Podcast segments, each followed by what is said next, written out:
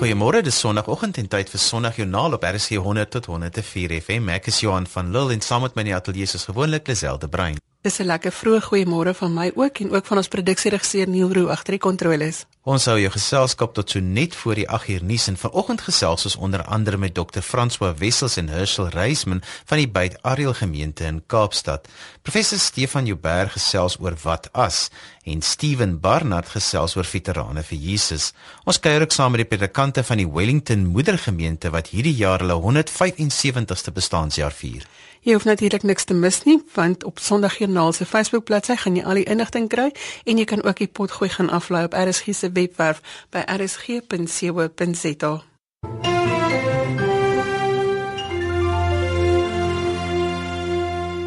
Demi Fransa Wessels is al reeds 32 jaar werksaam in die Joodse gemeenskap en hy sluit vanoggend by ons aan om te gesels oor die Beit Ariel Messiaanse Joodse gemeente in Kaapstad. Goeiemôre François. Môre Lisel. François, ek verwys na die Messiaanse Jode, maar wat is dit? Wel, 'n Messiaanse Jood is natuurlik net 'n Christen Jood. Dit uh, maar Messiaanse Jode verkies om die uh, die woord Messias te gebruik want hulle sê die woord Christen of die woord Christus is natuurlik 'n vertaling van die oorspronklike Hebreëse woord Mashiach wat Messias beteken. Uh, die Messias beteken eintlik die die gesalfde en en dit is soos Jesus in die eerste plek genoem is later het dit mense mense dit in die uh, na Grieks toe vertaal wat uh, beteken Christus, dit is die gesalfde. Maar uh, hulle het niks daarteen om te sê hulle is Christene nie, maar hulle sê kom ons gaan terug na dit na die woorde soos dit oorspronklik gebruik is. Messiaanse Jode is Jode wat glo Jesus is die Messias en die Here. Hoe groot is die gemeente in Kaapstad, Franswa? Wel, ons is nie 'n baie groot gemeente nie. Ek op 'n Vrydag aand dis ons hoofdiens is daar seker so op 40 mense bymekaar maar dit is ook nie almal van hulle wat Jode is nie. Daar's nie Joodse mense wat voel hulle moet by die gemeente aansluit en om verskillende redes. Uh so dis omtrent soveel soos ons is en dan is daar ook in Johannesburg 'n gemeente wat uh, 'n bietjie groter is sover ek weet. Maar dan moet mens natuurlik ook sê nie alle messiaanse Jode, sê maar byvoorbeeld in Kaapstad, is lidmate van hierdie buiteareal gemeente nie. Dit is so dat baie is, maar baie is nie. Hulle is miskien lidmate aan ander gemeentes en en ons het in die afgelope 2 jaar dit weer ontdek en dan het ons um, moeite gedoen om daardie mense van tyd tot tyd bymekaar te kry om met mekaar te praat en mekaar te bemoedig ensovoorts. Hoekom voel messiaanse Jode dat dit nodig is om 'n aparte gemeente te stig? Wel, hulle moet natuurlik in die kerk uh verwelkom word. Dis 'n belangrike ding en hulle is deel van die liggaam van Christus, maar maar hulle hulle dink dit is belangrik vir hulle om apart 'n uh, gemeente te vorm omdat hulle hulle tradisies wil behou. Dit beteken natuurlik nie dit is 'n gemeente soos ek gesê het wat net Jode aan kan behoort nie, maar hulle sê in hierdie gemeente gaan ons die tradisies uh, ons die Joodse tradisies uh, hou. Enigiemand is welkom om daarbey aan te sluit. Hulle wil duidelik maak dat uh, nou dat hulle in Jesus glo, en glo Jesus is die Messias, is hulle nog altyd Jode. En dis 'n belangrike uh, punt want in die verlede het mense geglo Joodse mense en in die Joodse gemeenskap maar ook eintlik ook mense in die Christen gemeenskap byvoorbeeld sê maar 'n uh, Christen sendeling dat as Jode tot geloof kom in Jesus dan hou hulle op om Jode te wees. En baie keer het mense so ver gegaan van die Christenkant dat hulle eintlik gevoel het hulle druk op Jode, Joodse Christene geplaas om te bewys as te ware dat hulle nou Christene is ware Christene en hulle moes dit bewys deur afstand te doen van hulle tradisies. En uh dit is dit is dit is nie uh, reg nodig nie. Baie Christene weet ons het hierdie benadering op die Bybelse uitleg gebou, nê. Kyk, Paulus skryf mos nou baie keer daarse oor die wet en dan sê mense word nie op deur die wet genadig nie, op die werke van die wet, die deur die werke van die wet nie. En mense dit so vertaal, dis met alle Joodse tradisies van afstand doen as jy nou gelowige word. Maar ek dink uh die Bybel sê duidelik dat dit nie noodwendig die geval is van Joodse gelowiges nie. As as ek miskien net twee voorbeelde kan noem, ek dink byvoorbeeld aan Paulus wat toe in Jerusalem gekom het, het hulle hom gesê dat daar baie Jode is wat gelowig geword het, maar nie die wet van Moses onderhou nie. Maar ons hoor nou dat jy vir hulle sê dat alle Jode moet die wet van Moses los en toe het Paulus om bewys om te bewys dat dit nie is wat hy gesê het nie vier manne uit die wat in 'n sereer gelofte gedoen het vir hulle geneem en en saam met hulle in die tempel die reinigingshandeling, die tradisionele reinigingshandeling uh gedoen. So ek dink dit was ook eintlik uh ons het daar so Bybelse uh, grondslag om te sê dat nee vir vir uh Joodse mense moet op hulle Joodse manier aanbid. Paulus self gesê het vir die Jode het hy soos 'n Jood geword uh om uh die evangelie te verkondig sodat ten minste sommige van hulle evangelie uh, kan verstaan. Kan jy een of twee van hierdie tradisies vir ons uitlig en vir ons verduidelik hoekom dit so belangrik is? Wel, ek sal sê die tradisies is seker al daardie tradisies wat wat die Joodse identiteit bevestig. Uh sê maar byvoorbeeld om op die Joodse Sabbat te aanbid. En die hele Joodse tradisie was dit 'n baie belangrike uh ding gewees. Dis die dag van rus, dis die dag van aanbidding.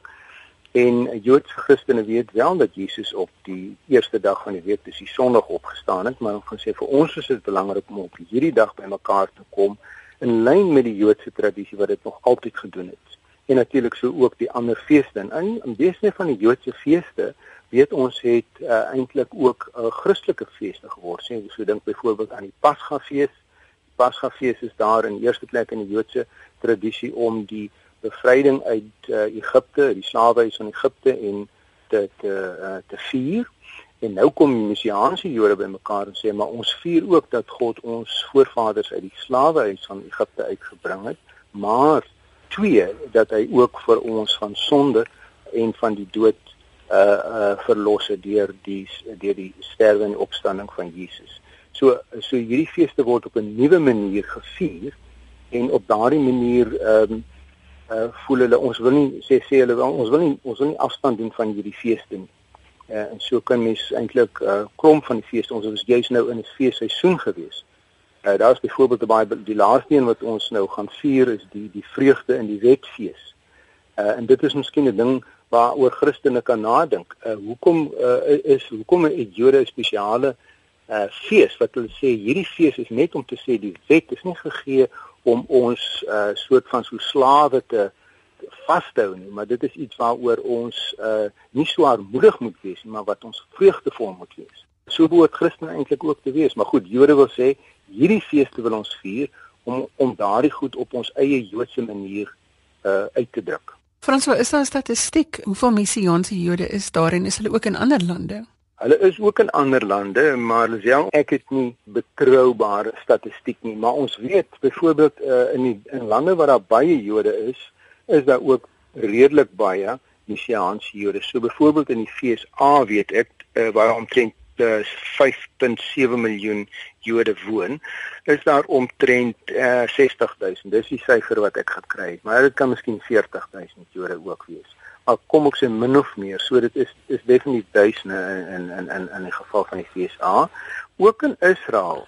Israel is daar baie messiaanse Jode. Daar is omtrent 6 miljoen Jode en ek dink uh, ek het gehoor die die die syfer van 30000. Ek was 'n jaar gelede vir eerste maal in my lewe in Israel gewees en dit was my interessant net dat ons busbestuurder en gids was albei messiaanse Jode en die rede was byvoorbeeld omdat daar so 'n maatskappy is van messiaanse Jode wat hierdie dinge doen en, en toe ons op die, eh, die op die meer van Galilea was was die man op wie se skip ons gegaan het ook 'n messiaanse Jood. So hulle sê omtrent 30000 En dan 'n ander plek waar daar ook baie Jode al die jare was, is natuurlik Oekraïne. Daar's nog altyd baie van hulle oor en daar is daar ook 'n geweldige uh, groei in die messiaanse Joodse uh, beweging. Daar is selfs van heel grootste gemeentes van messiaanse Jode is in interessant vir alle plekke Oekraïne. Frans Baie, dankie dat jy vanoggend met ons gedeel het van jou leefwêreld saam met die Joodse gemeenskap. Ek het gesels met Dominee Frans Wessels van die Beit Ariel Messiaanse Joodse gemeente in Kaapstad.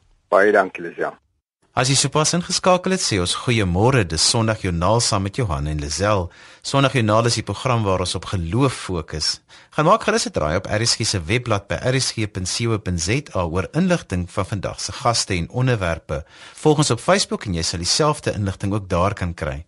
Ons is saam met jou tot net voor die 8uur nuus. Die Joodse feesseisoen is pas verby en vanoggend sluit Herschel Reisman, die leier van die Beit Ariel Joodse gemeente in Kaapstad by ons aan om 'n bietjie daaroor te gesels. Good morning Herschel. Good morning. Herschel, verduidelik vir ons asseblief hoe werk die Joodse feesseisoen? Leviticus chapter 23 speaks about three pilgrimage festivals, uh Passover, Pentecost and Tabernacles. Uh, there are seven, in fact, entirely. The Passover consists of three, Tabernacles consists of three, so there's seven in total. And um, although we are uh, followers of Yeshua, of Jesus, we understand, we see a wonderful pattern in that, uh, uh, in the structure and the purpose of the festivals that en- enables us once a year to do a spiritual stock taking, if you will, and uh, to examine our relationships before God and before man and to make right so that we can enter into the new year with a, a cleansed heart and a cleansed spirit. So that, that gives you a, a rough idea about uh, the festivals. Each one has a, a specific uh, approach. We know that Passover and Pentecost is fulfilled with Jesus' first coming uh, over 2,000 years ago, and Tabernacles is more prophetic, and it awaits a future fulfillment on his return. Verduidelik vir ons hoe vier julle hierdie feeste? Is daar spesiale goed wat julle moet eet en dra? There are certain foods, for example, with Passover, uh, you for seven days you do not eat leaven. In other words, you don't eat bread, and we eat the unleavened bread called matzah instead, and we do that for seven days. The other festivals uh, have some traditional elements to them, but there are no specific foods that you should or you shouldn't eat. And most of the festivals have uh, have an historical, agricultural, and a prophetic symbolism um, for each one, for Passover, Pentecost, and Tabernacles. And so what we do is we celebrate the festivals and we see the Lord in the midst of them. And uh, we see, for example, that he also um, celebrated the festivals in the temple in his life. And uh, so we just try examine the festivals and see, we examine them through the lens of the new covenant. And we see uh, the Lord fulfilling all the symbolism of the festivals. Uh, there are two calendars in Judaism, a civil calendar and a biblical calendar. And so in the biblical calendar, there in fact there are four New Years in Judaism.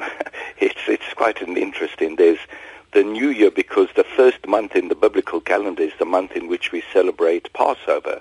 It's called Nisan, and so there's a New Year there. But the New Year of the civil calendar, which is the calendar of contracts and uh, and weddings, begins on the first day of the seventh month, which is what we've just celebrated now. Why is it so important for Messianic Jews to still have the traditional festivals? Well, I talk for myself. I do not see that I've converted to another religion. When I came to faith over 30 years ago, I remained Jewish and I still am very Jewish and all these things are very meaningful and in fact they're even more meaningful in the Messiah. They make so much more sense and he, he lights them up and, and reveals the very heart and essence of them. So as a Jew who's come to faith, I call myself a Messianic Jew or Jewish believer, I continue to remain Jewish. And uh, I believe that uh, uh, that God has called us to covenant faithfulness. That now that we've come to faith in the Lord, that the new covenant does not do away with the covenant that He cut with Abraham or with Moses. Uh, and uh, we don't have time to deal with it in great depth. But uh, that's our, our strong conviction, and we see no contradiction to that in the New Covenant whatsoever. And uh, when Paul says, for example, in the book of Romans that uh, that Christ is the end of the law, it does not mean that he's done away with the law. The Greek word for end there is telos, which means that he has filled up or fulfilled the law. But it does not mean that he's replaced or done away with Torah. So that's our understanding, and we see the festivals, they, they are vibrant with the revelation of the Lord, and uh, it's a wonderful, wonderful teaching. Ek het gesels met Herschel Reisman, die leier van die Beit Ariel Joodse gemeente in Kaapstad. Herschel, thank you for speaking to us this morning. You're welcome, Lizelle, and the Lord bless you too. Lisel het vroeër by die moedergemeente op Wellington besoek gaan aflê om te hoor hoe hulle 175 jaar van genade vier. Benny, dit maak nie saak van watter kant af jy hierdie dorp benader nie. Andrew Murray sit op 'n stoel voor die kerk. Vertel vir ons die geskiedenis. Lisel, ja, dit is inderdaad so 'n 'n wonderlike voorreg om deel te kan wees van hierdie gemeente wat verjaar sy 175ste bestaanjaar vier. Uh die dorp interessant genoeg uh het vanuit die gemeente ontstaan. Uh as 'n mens nou teruggaan in die geskiedenis, was die mense aanvanklik deel van die Parelgemeente gewees. Maar dit was moeilik veral in die wintermaande om oor die bergrivier te kom met 'n pont uh, wat dikwels gebreek was en toe die behoefte maar ontstaan om om 'n eie gemeente te stig wat toe later ook die dorp geword het. Aanvanklik was dit nie maklik geweest nie, die Parelgemeente wou dit nie toelaat nie en uiteindelik was daar half hofsaake geweest en moes die goewerneur Napier moes uiteindelik toestemming gee dat hier 'n eie gemeente en dan ook 'n eie dorp kon ontwikkel en hy het ook die naam voorgestel van Wellington. So hulle het begin in 1838 met die bouwerk en in 1840 op 19 Junie is die gemeente geproklaameer as 'n selfstandige gemeente uh, en daar het die wonderlike geskiedenis dan nou van die gemeente begin. Van die beginjare uh, het dit baie goed gegaan in die gemeente. Die gemeente was ook deel van die 1860 herlewings wat in Woester uitgebreek het, uitgebrei het na Wellington en as 'n mens na die gemeente verslae kyk, uh, kan jy eintlik verstom staan oor die werk wat die Heilige Gees in hierdie gemeente gedoen het en hoe dat die heerlikheid van die Here eintlik geskyn het hier in Wellington oor mense en vanuit Wellington. Andrew Murray het gekom in 1871. Hy was hier tot 1906, 'n besondere mens, ses keer moderator gewees van die NG Kerk, uh, wêreldbekend uh, vandag nog en uh, hy het 'n baie groot invloed gehad in die 35 jaar dink ek wat hy in die gemeente was om hierdie stiekkrag van die herlewing ook verder te vat uh, wonderlike dinge vanuit die gemeente. Ek dink dis as 'n mens terugkyk op die geskiedenis van die gemeente, kan jy eintlik net verstom staan oor wat die Here deur 'n gewone gemeente met gewone mense soos hierdie gedoen het. Wat alles vanuit hierdie gemeente ontstaan het, die Huguenote College, die Onderwyskollege, die skole, Hoër Jongenskool, die Kinderkrans, die KJV, Bybelkor, Bybelmedia, die Sending Instituut, die sogenaamde donkies wat van hier af uitgestuur is eintlik om die evangelie die hele Afrika in te dra en al hierdie dinge is gefinansier deur hierdie gemeente. Uh, 'n wonderlike pad van genade waarop ons graag wil voortbou ook in die toekoms. Die gemeente het dan nou ook geskiedenis gemaak en Dominee Letty Boegner is die eerste vrou wat haar plek kom volstaan het hier in die gemeente. Letty, vertel vir ons julle 475 jaar van genade hierdie jaar. Is die gemeenskap betrokke by die kerk se sake? Sel ja baie dankie. Vir my is dit ook 'n groot voorreg om in die gemeente te wees. Ek het ook my eie 10 jaar in die gemeente gevier saam met die gemeente se feesjaar, so dit is 'n spesiale jaar vir my persoonlik ook. Ons het toe ons besluit het oor hoe ons hierdie jaar gaan vier gesê ons wil nie nog onnodig baie goed op mense se programme sit nie, maar ons wil so vier spesiale momente deur die jaar skep waarin ons eintlik ons lidmate kan bemagtig om in vandag se lewe 'n lig te gaan wees in die wêreld. En ek gaan sommer net vir jou 'n paar goedjies noem wat ons gedoen het. Die eerste is byvoorbeeld dat um, met die afskop van die jaar aan die begin van die jaar, die eerste groot Sondag nadat die skole begin het, was professor Piet Nudee het vir ons kom preek en soos net hy kan doen het hy vir ons 'n brief gebring kamstig deur Andrew Murray geskryf met 'n paar temas in wat ek dink ons toe gerig het vir die jaar en ons 'n fokus gegee het oor die goed waarmee ons besig moet wees. En natuurlik was een van daai temas dat ons verhouding met die Here altyd aan die hart staan van die goed wat ons doen. Want mense kan 'n klomp goed doen, maar as dit nie vanuit 'n verhouding met die Here is nie, dan is dit eintlik nutteloos en is dit niks anders as net ons eie goeie werke nie. Toe het ons 'n spesiale feesdiens gehad. Dit was ook lekker hierdie jaar. Ons verjaarsdag het presies op 'n Sondag geval, 175 jaar later, en ons het 'n baie spesiale erediens gehad en vir elke gemeentelid aan die einde van die diens 'n stokkie uitgedeel want Wellington, weet julle natuurlik ook, is grootste stokkieskwekerye van Suid-Afrika is in Wellington. So ons het um, daai teks gepreek Johannes 15, die mense moes die stokkies gaan plant om hulle te herinner aan die vrug wat ons moet dra. En is nou lekker dat die gemeentelede begin nou vir ons um, fotootjie stuur van hulle stokkies wat uitloop. En ons het vir hulle gesê gaan plan dit met as jy daarna kyk, 'n herinnering dat ons werk is nog lank nie klaar nie. Toe het ons 'n 40 dae gehad met die spesiaalste verhale van ons gemeente se storie en met temas wat deur Dr Andrew Murray aan ons uitgewys is. Maar belangrik, ons fokus was die hele tyd nie net wat het die Here gedoen in die verlede nie, maar wat roep die Here ons om nou vorentoe te doen. Die tema van hierdie 40 dae was leef die lig en dit was aan die hart van wat ons nou vir mekaar sê is hoe gaan ons vorentoe gaan? Wat wil die Here vandag hê? Want Andrew Marie het 'n klomp goed gedoen. Hierdie gemeente het 'n klomp goed begin. Maar wat is die goed waarmee 'n gemeente in vandag in Suid-Afrika besig is sodat mense oor 175 jaar oor ons skryf ons het hierdie en hierdie en hierdie goed gedoen. Dit lyk dalk anders as wat Andrew Marie geïnisieer het.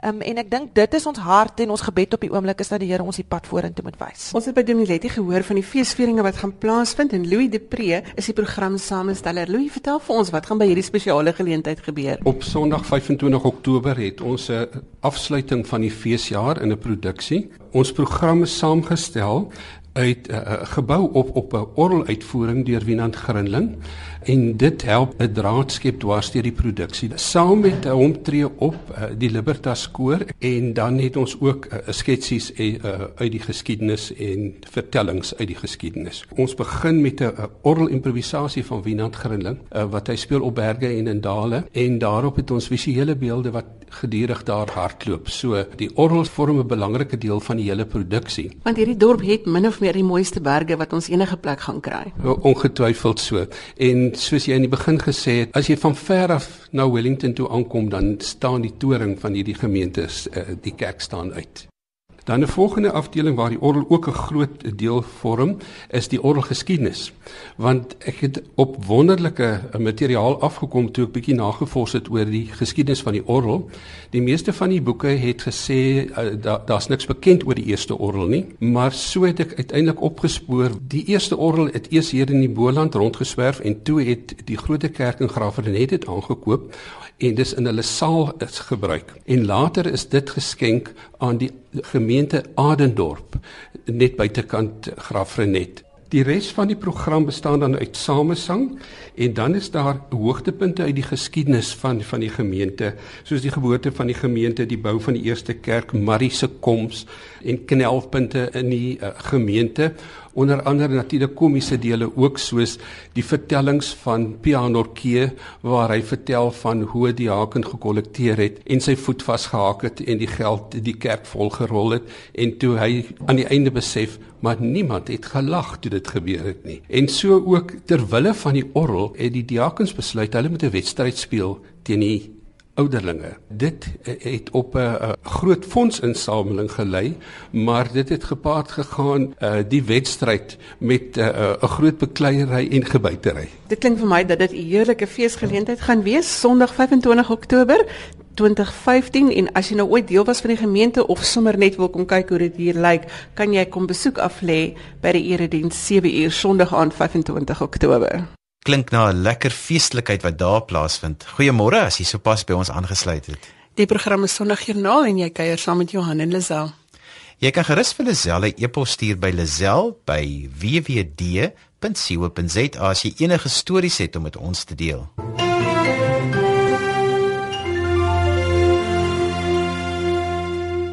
Ons gesels vanoggend met professor Stefan Joubert. Hy is professor by die Radboud Universiteit in Nederland, sowel as die Universiteit van Vryheid hier by ons. En ons gesels oor 'n baie interessante onderwerp vanoggend. Goeiemôre Stefan. Hallo Lisel.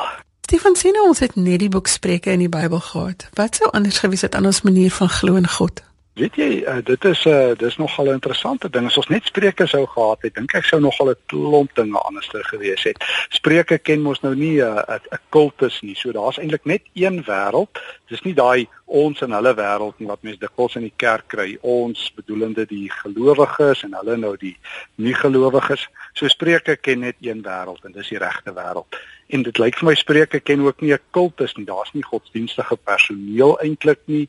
Daar's nie leraars, dominees, pastore, priesters en sulke dinge nie. So elke gelowige is eintlik uh op sigself die die stem van die Here.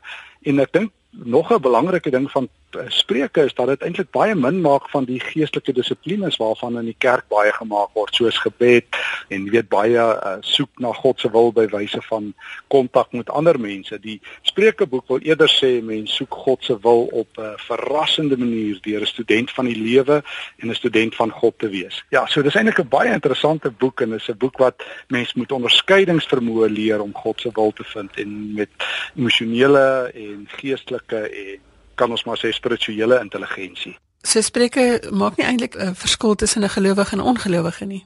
Ek dink Spreuke ken 'n groot verskil, weet jy, dis 'n belangrike ding, maar die die verskil wat Spreuke ken is meer tussen wyse en dwaase mense. So dis 'n baie belangrike onderskeid want uh, dis maklik geloof ongeloof. Ons kan baie maklik ons in hulle kategoriseer. Maar die oomblik as jy met wyse en dwaase werk, dan kan ek ook enige oomblik aan enige kant van daai draad staan. Uh Spreuke maak dit duidelik dat wysheid begin met die vrees van die Here, daarin Spreuke 1. Maar wysheid is 'n hele lewenslange reis waar jy elke dag van voor af weer kies om met wysheid te lewe. Wyse mense is versigtige mense, hulle ken hulle plek voor God, hulle ken hulle plek tussen ander mense. Hulle weet hoe hulle met arme mense moet werk, hulle weet hoe hulle met ryk mense moet werk. Hulle verstaan nederigheid, hulle kan hulle tong beheer ensovoorts. So ja, dis 'n baie baie interessante onderskeid hierdie tussen 'n wyse en 'n dwaas. Kom ons staan nog 'n bietjie stil by wysheid. Daar seker ook uh, ietsie oor vrygewigheid en hardwerkendheid en al daardie dinge. Natuurlik. Dis een van die interessante dinge dat Spreuke is van die min boeke in die hele Bybel wat nie negatief is oor rykdom nie. Mens kry nogal dat die die Bybel so 'n bietjie 'n negatiewe klank het oor rykdom, maar Spreuke sê rykdom is eintlik die bewys dat mense kan hard werk en 'n kenmerk van 'n dwaas volgens Spreuke is dat hulle baie lui is. Hy hy hy maak een keer die opmerking een van die Spreuke skrywers dat 'n dwaas is so lui dat dat hulle sê daar's 'n leeu daar buite, so ek gaan nie vandag uit uit my huis uit nie of hulle sit 'n stukkie kos op hulle vurk en dan sal hulle die kos na hulle mond toe bring of val hulle aan die slaap van luiheid. So lui is hulle. So die feit dat 'n mens nie hard werk nie, dat jy nie by die mure wil gaan leer om in te samel en voorsiening te maak vir die maarjare nie. Spreuke sal dit regtig dwaasheid noem, want 'n wyse mens kan die tye lees en kan hard werk. Spreuke praat ook nogal van woorde wat vol haat is, skerpheid en geweld, iets wat nou so in ons tyd, jy weet op die voorgrond is. Weet jy Lisel, dit is nogal een van die groot dinge van die Spreukeboek dat dit daaroor gaan dat ons ons tonge moet kan beheer. Oor en oor hoor ons dit. Die Spreuke skrywer daar in hoofstuk 11, 15, 18 vertel vir ons dat ons ons geloof is eintlik op ons tong. Uh sagte woorde keer woede af, skerp woorde soos messteke. Hy het geweldig baie te sê oor skinder en oor afbreekende taal. Dit is tipies die taal van dwaase. Dwaase is diegene wat praat sonder om te dink, wat daarvan hou om mense aan flarde te praat, wat mense stikkend praat. En die geneesmiddel hiervoor sê die Spreukeboek is om jou woorde te tel om baie te dink voordat jy praat en as jy gepraat het om seker te maak jou woorde bou op om seker te maak jou woorde is beleggings in ander mense se lewens. So daar's 'n versigtigheid, daar's 'n nadenke. Dis daai oomblikse huiwering voordat jy 'n woord finaal loslaat voordat dit oor jou lippe vir altyd is wat by die Spreuke skrywers so prominent is. En uh dat dit eintlik 'n lewenslange leerskool is dat ons ons woorde moet leer tel, weeg dat uh, liewers minder woorde as meer, liewer sagter woorde as harder uh liewer stadig gepraat as te vinnig praat. So Spreuke dan sê dat wyses moet ligloop vir dwaase, is dit wat ons sê? Ja, ek dink Spreuke waarsku ons baie sterk teen dwaase en dis nogal 'n lyn wat die Bybel ook optel. Want 'n dwaase mens is 'n lewensgevaarlike mens. 'n Dwaase ou is iemand wat jou gevange hou, is iemand wat jou vernietig en daarom moet jy ook jou woorde in teenwoordigheid tel. Die Spreuke skrywer dink dis nogal 'n lekker mors van tyd as jy 'n dwaas op sy eie manier by geleentheid probeer beantwoord. Maar tog het ons daai interessante Spreuke 26 vers 4 en 5 wat so 'n jukstap posisie die teenoorgestelde sê. Partykeer moet jy 'n dwaas antwoord, anders dink jy is net so dwaas soos hy. Ander keer moet jy nie 'n dwaas antwoord nie, want anderster uh, speel jy op sy op sy vlak. Dis so amper asof die Spreuke skrywer sê om met 'n dwaas te kompeteer, uh, deur ewe dwaas te praat, uh beteken jy te agterstand want uh, hulle is meesters op hulle eie gebied. En uh daarom vermy hy woede, hy vermy twisgesprekke, hy vermy kwaad vir kwaad praat, uh die tipiese taal wat die res van die Bybel later ook optel. Stefan, ons kan dan ter afsluiting sê dat Spreuke ook verwys na diegene wat eerbied het vir God as wys. Absoluut. Weet julle self dis eintlik die hartklop van die Spreukeboek dat wysheid en 'n diep eerbied vir God hand aan hand loop. Spreuke wil nooit hê ons moet familier met die Here wees, dit tuis wees op sy terrein. God is heilig, hy is die soewereine God en ons plek is om klein te wees voor hom, om hom te eer, om hom lief te hê, maar met heilige eerbied voor hom te leef. Dis die tipiese kenmerk van 'n wyse persoon, om jou plek voor God en tussen mense te ken. Dit is vir die Spreuke skrywers die som totaal van 'n goed geleefde lewe voor God en tussen ander mense. Ek het gesels vanoggend met professor Stefan Jubber, professor by Radboud Universiteit in Nederland en ook by die Vrystaatse Universiteit. Stefan, baie dankie dat jy vir ons 'n bietjie uitklaring gegee het vanoggend oor die verskil tussen dwaasheid en wysheid. Baie dankie Lisel, dit was lekker.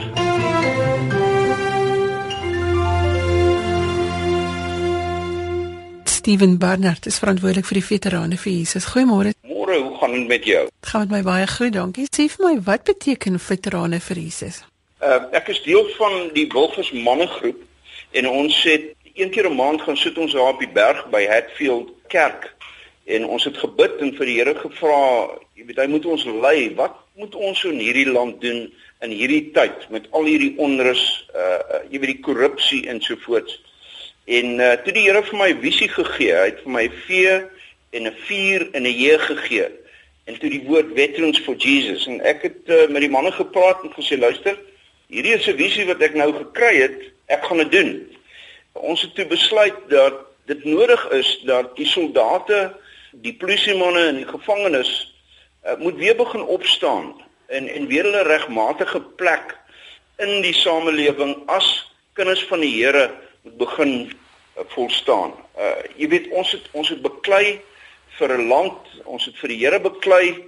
Baie van ons het het het vriende opgeoffer families opgeoffer, kinders opgeoffer. En as ons kyk na wat besig is om in die land te gebeur op hierdie stadium, is dit nie wat die Here vir ons gegee het in 1994. In 1994 het ons gebid en ons het gesê Here, help ons.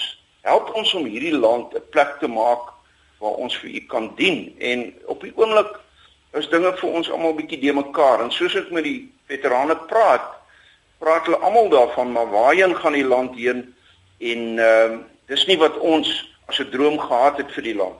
Julle versorg hulle fisiese en hulle geestelike behoeftes.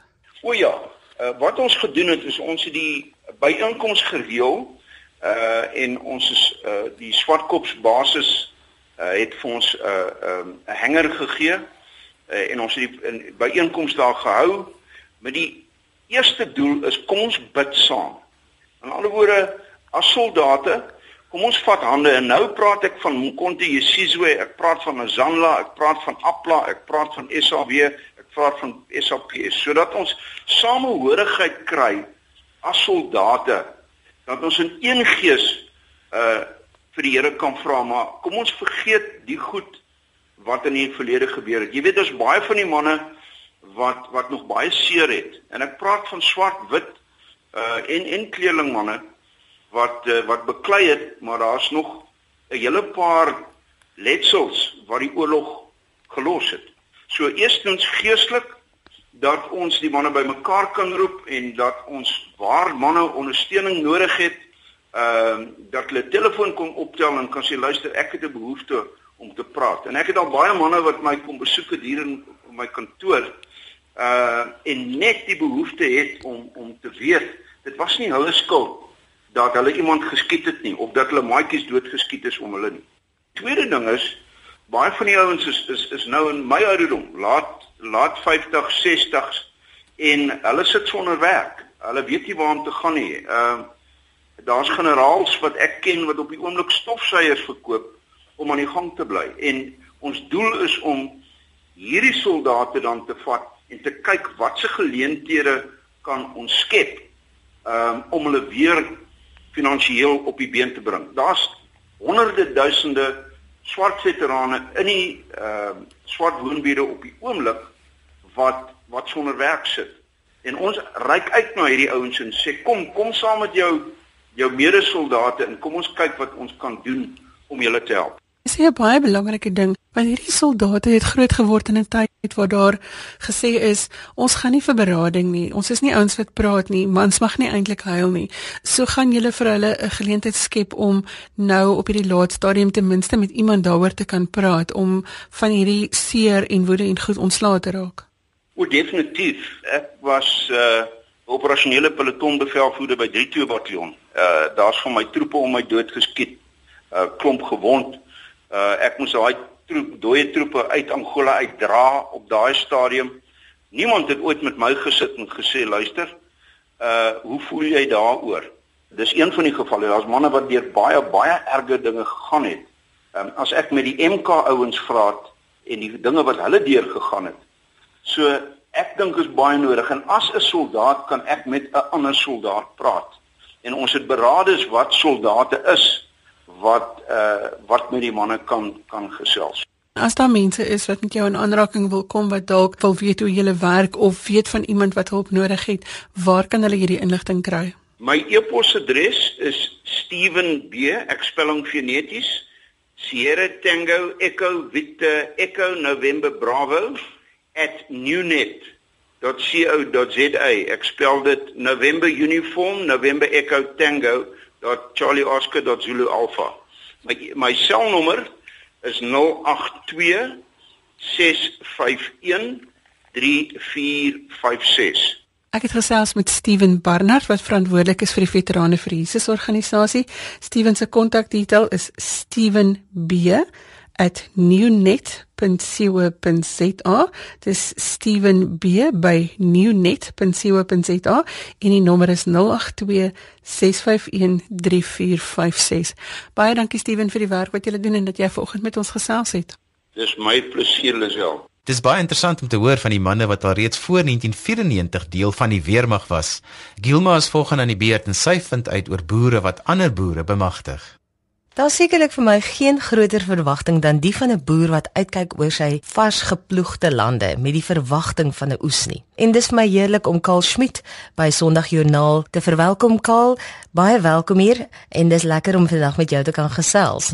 Baie dankie. Farming God's Way. Wat presies is Farming God's Way? Farming God's Way is eintlik 'n projek wat ons deur die uh, verskillende uh, kerke en NGO's versprei dis basies 'n 'n boodskap van hoop wat ons vir hierdie arm boere bring. Want uh, as ons na, na, maar kyk na die die uh, gegevens, ek dink dan veral uh, Jason Bremner wat die programdirekteur is van Population Health and Environment van die uh, van Amerika. Hy sê dat 2 uit elke 3 persone op die Subsahara leef in afgeleë gebiede en is afhanklik van kleinskaal boerderye vir 'n lewensbestand. Nou hierdie ouetjies sukkel en uh, hulle Eh, kry nie genoeg kos van hulle eie landerye af om te oorleef nie. En Farming Way het ons die Here het vir ons 'n goeie boodskap gegee met goeie planne eh, om uh, hierdie ding heeltemal om te draai. En ons kyk na Afrika, as ons kyk na die donker Afrika wat ons altyd van gehoor het, dan sien ons waarlik die lig van die Here skyn op hierdie plekke en daar's hoop. Jy weet Christus binne in my is die hoop van heerlikheid. En ons kyk daarna en ons sien ehm um, waar ons al opleiding gedoen het, is daar groot groot groot verbeteringe. Selfs in Kenia het hulle laas jaar in 'n onlangse ehm um, nasionale opgawe of 'n opname het hulle gesê die boere sê dat hulle landerye nie genoeg produseer om hulle families te onderhou nie.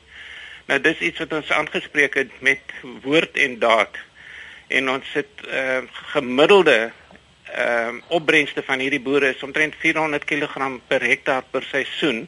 Nou dit is nie genoeg om 'n familie te onderhou nie. Nadat ons opleiding gedoen het, het ons hierdie uh, syfers heeltemal opgeskuif tot 10 keer en meer tot 4 ton per hektaar, 7 ton per hektaar.